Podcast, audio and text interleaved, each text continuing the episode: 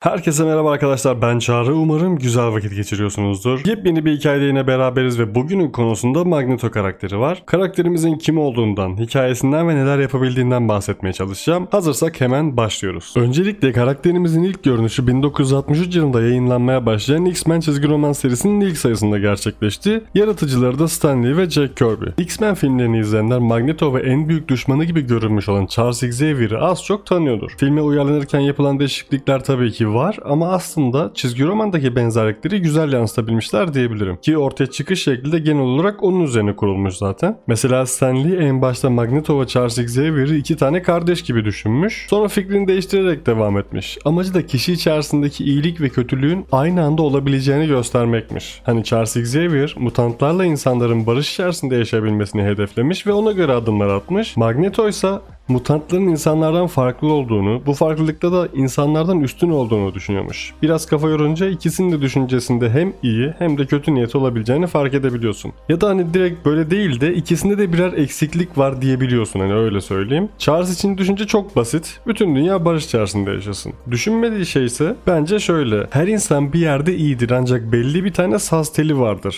Ondan sonrasında herkes kötü olabilme potansiyeline sahiptir. Bu olay mutantlarda da geçerli. Ancak mutantlarda şöyle bir farklılık daha var. Şimdi mutantların çoğu insanlara benziyor ama hepsi insanlar gibi değil. Beslenme farklılıkları var veya hani bunun dışında da farklılıklar varken aynı ortamda barış içerisinde yaşama olayı biraz sıkıntıya girebiliyor. Kesin böyle olacak diye bir şey yok tabii ki ancak böyle bir ihtimal var ve bu ihtimal yaşandığında mutantlar biraz daha öldürücü olabiliyor. Magneto da bunu fark ettiği için mutantların insanlardan daha üstün olduğuna inanıyor. Temelde de bu arkadaşların ortaya çıkışları böyle gerçekleşiyor aslında. Hangisi haklı derseniz de bence ikisinin de haklı ve haksız yanları var. Tıpkı yin gibi. Hani hatta bunu bir yerde tartışmak isterim ya. Güzel olabilir bence bu. Neyse konuyu daha fazla uzatmadan karakterimizin ana hikayesine girişelim. Olayları ise biraz ilginç. Bir sürü isimle anılıyor kendisi. Hikaye anlatımı ise 2008 yılına kadar hep parça parça gerçekleşiyor. 2008 yılında da X-Men Magneto Testament adında bir tane çizgi romanda bütün hikaye baştan aşağı anlatılmaya başlanıyor. İlk başta her şey çok güzel devam ediyor. Almanya'nın merkezinde bir yerde Max adıyla hayatına devam ediyor Magneto. Babası Jakob Eisenhardt ve amcası Eric Eisenhardt'la beraber boncuklardan bileklikler falan yapıyorlar. Okulda derslerinde başarılı, beden eğitiminde de güreş, atlama falan onlar da iyi değil belki ama cirit atabilmede altın madalya kazanıyor. Magda adında sevdiği bir kız var. Babasından öğrendikleriyle ona bir hediye yapmış. Mutlu mesut yaşadıkları tam o dönemde de bu Nazilerin olayları patlıyor. Zaten ilk anlarda amcası Eric'i yakalanmış dövüyorlarken görüyor Magneto. Sonrasında da yasaklar başlıyor. Hani Yahudilerle Almanların kan bağı yapması yani evlenmesi, evlilerin çocuk sahibi olmaları ve bu tip olayların hepsi yasaklanıyor. Amcasını da o yüzden dövüyorlarmış zaten. Yediği dayak sonrası amca hükümete inanmayı tamamen bırakmış. Baba Yakup ise hala bir şeylerin değişebileceğine inanıyor. Ona göre hareket etmeye çalışıyor. Daha önce Almanlarla birlikte savaşıp madalyayla onurlandırılmış. O madalyaya güvenerek birileriyle görüşmeye geliyor. Ne görüşeceği belli değil. Adamla konuşmaya çalışırken Nazi askerleri araya girip genç Magneto'nun babasını patara kütere dövüyorlar. Magneto araya girmek isterken babasının görüşmeye geldiği adam kurtarıyor onu. Babayı da daha fazla dövmek için içeriye götürüyorlar. Dışarı çıktıklarındaysa görüşmeye geldikleri adam Jakob Eisenhardt'a yani babaya Max'ı öldürebilirlerdi diye söylüyor. O yüzden öyle yapmış. Öldürmedikleri için de artık ödeştik diye söylüyor. Sanırım Yakup herifin hayatını kurtarmış o savaştıkları dönemde. O yüzden öyle söylüyor. Eve döndüklerinde de sevdiği kız Magda'yı esir kampı gibi bir yere toplamışlar. Olaylar kızışmaya devam ediyor. Bu olayların daha da büyümesiyle askerler bir gece Yahudilerin evlerine baskın yapıyorlar. Max gece vakti ailesini uyandırıp hemen gitmemiz gerekiyor diye söylüyor. Baba Yakup önce karşı çıkmak istese de Max hemen şimdi diye lafını kesip kalkıp yola koyuluyorlar. Naziler insanlara sıkıntı çıkarmaya devam ederken Max ailesiyle birlikte Polonya'ya gidiyor. Geldikleri yerse bir tane ahır ama ölmekten iyidir diye düşündüklerinden hemen oraya yerleşmek istiyorlar. İçeri adım attıklarında da ahırın sahibinin çığlığı geliyor içeriye. Ahırın sahibi kadın Almanların saldırdığını, Polonyalı atlı askerler taarruza geçtiğini görünce anlıyor. Nazi askerleri bu defa tanklarla, uçaklarla gelmişler. Artık herkes ipin ucunda. Genç Magneto ve ailesi yeni geldikleri yerde daha henüz nefeslenmemişken yine yola koyulmak zorundalardı. Naziler ise katliamlarına hiç ara vermeden devam ediyorlar. Genç Magneto şaşkınlıkla Nazilerin kıyımını izlerken babası Yakup bu kötü sahneyi görmesini istemiyordu. O yüzden oğlunu çekip keskin olan gözlerine önde ihtiyacımız var. Burası iyi değil mi diye sorup yola devam ettiriyordu. Ancak geldikleri yeni yerde sıkıntılar hiçbir şekilde bitmiyordu. Soğukla beraber artan erzak kıtlığı Max'ın ailesini hasta etmişti. Daha sağlıklı yaşayabilecekleri bir yere gitmek için yeniden yola koyuluyorlar ancak yardımcı olacak kişi genç Magneto'ya ihanet ediyor ve ailesi Nazi askerlerinin eline düşüyor. Askerler yakaladıkları herkesi sıraya dizip infaz edecekler. Ateş ettiklerinde ise genç Magneto'nun güçlerinin ortaya çıkmasından mı yoksa babası önüne atladığı için mi bilinmiyor. Fakat Max'ın ailesindeki herkes ölürken bir tek kendisi hayatta kalıyor. Bir Nazi kampına düştükten sonra eski öğretmeniyle karşılaşıyor. Ondan öğrendiği bir iki tane cümleyle Nazi askerleri tarafından öldürülmek yerine kampta çalıştırılmaya başlanıyor. Bu süreçte de eski öğretmeninin ölümünü de görüyor ve artık her şeyi bırakıp ölmeyi düşünmeye başlıyor çünkü etrafında hiçbir tanıdığı kalmadı. Tam o sırada da çocukluk aşkı Magda'yı görüyor. Magda, Magneto'dan aldığı bilekliği hala gözü gibi bakıyor. Birbirlerine selam verip bakışmaları genç Magneto'yu hayatta tutmak için yeni bir sebep olmuş oluyor aslında. Tabi oradaki görevli olan Nazi askerinin araya girmesiyle o kısacık ancak umut dolu olan görüşme son buluyor. Magneto tabi bu olaydan sonra çalıştıktan sonra gelebildiği pozisyonlar sayesinde askerlere rüşvet verip Magda ile kısa kısa konuşmalar yapabiliyor. Bir süre sonra Magda'nın kaldığı yerdeki herkesin öldürüleceği duyulunca Max elindeki bütün altınları askerlere verip Magda'nın oradan kurtulmasını sağlıyor. Devamında kampta isyan çıkıyor ve Max Magda'yı alıp oradan kaçabiliyorlar. Başka bir köye yerleşiyorlar. Max ismini değiştirip Eric yapıyor ama geçmişi unutmamak için de Max adını Magnus'a çeviriyor. Gittikleri yerleştikleri yerde herkes Magnus'un Nazilerin elinden kurtulduğunu biliyor ama Max'ın neler yaşadığıyla ilgili en ufak fikirleri yok. Zaten o da onun peşinde değil. Önüne bakmak istiyor. Ki eşim Magda ile evlenip Anya adında bir tane kızları oluyor. Şimdi bu kısma kadar olan hikaye 2008 yılındaki X-Men Magneto Testament adındaki çizgi romanda anlatılıyor. Devamı farklı farklı çizgi romanlarda geçiyor. Şöyle ki Magneto gittikleri yerde bir iş buluyor kendisine ama çalıştığı kişi anlaştığı paranın yarısından daha da azını veriyor. Magneto niye böyle diye sorunca adam kendi komisyonumu aldım diye söylüyor. Adam hakikaten pislik çıkmış yani. Magneto da sinirlenip Magneto da sinirlenip bunu yapmaya hakkın yok diye söylenince herif sen de başka iş bulmak istemezsin bence diye pişkin pişkin gülüyor. Magneto ise gücünü ilk defa orada kullanıyor. Arkasında bir yerde duran Levi'yi kaldırıp adamın tam kafasının yanına fırlatıyor. Herif korkup tamam buyur bütün para senin olsun diye söylerken Magneto da ulan nasıl oldu diye bir şaşkınlık yaşıyor. İkinci defa kullanmazsa yine aynı gün evine vardığında yaşanıyor. Yolda gelirken bir görüyor ki yaşadığı binada yangın çıkmış. Kalabalığın arasından sıyrılıp karısının ve çocuğunun yerini soruyor görevliye. Evin içine daldığında da yangınların arasında karısını bulabiliyor. Üzerlerine bir tane moloz gibi bir şey düşüyor ve Magneto yine güçlerini kullanıp kendilerine zarar gelmesinin önüne geçiyor. Karısını dışarıya çıkarıyor ama kızı hala içeride. Tam yeniden içeriye dalacakken iki tane polis memuru Magneto'ya saldırıyor. Meğer çalıştığı yerde parasını aldığı adam polislere şikayet etmiş. O polisler yüzünden kızını kurtaramayınca da Magneto güçlerini bir kere daha kullanıyor ve o elemanları orada öldürüyor. Karısı Magda ise Magneto'nun yaptıklarına sen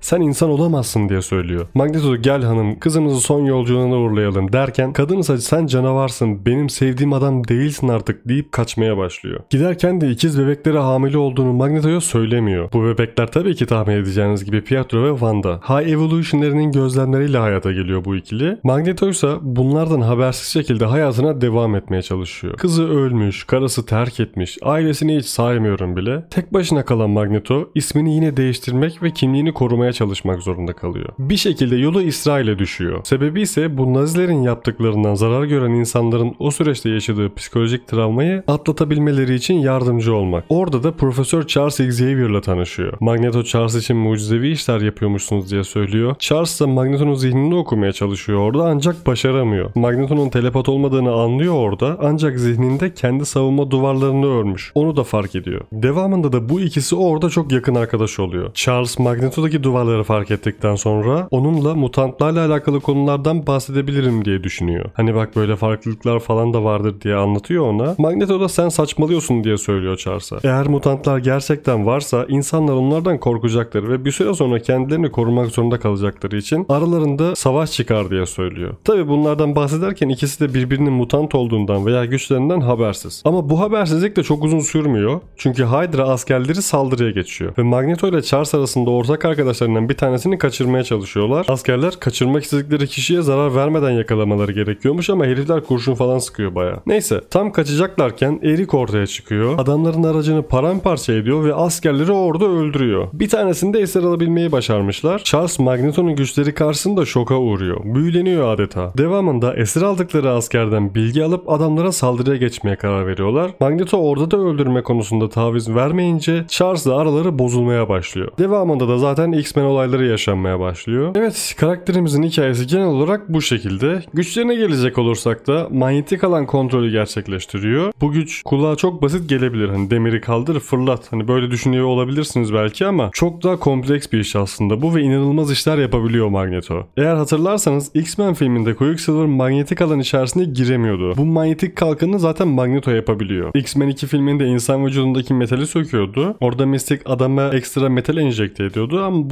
normal koşullarda da yine yapabilme yeteneğine sahip. Aynı olayı Wolverine'in iskelet yapısına saran adamantium'la da yapabilmişti mesela. Hani bu tarz işler çok rahat yapabiliyor bu arkadaş. Manyetik alanı kullanarak kendi vücudunun yoğunluğunu da değiştirebiliyor. Ki bu sayede süper insan özellikleri varmış gibi hareket edebiliyor. Ayrıca bunu uçabilmek için de kullanabiliyor.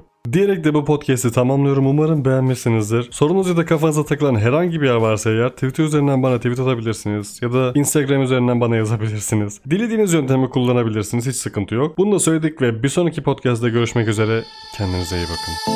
Wherever love goes, there is also misery. It's no mystery. And you and I, we got history.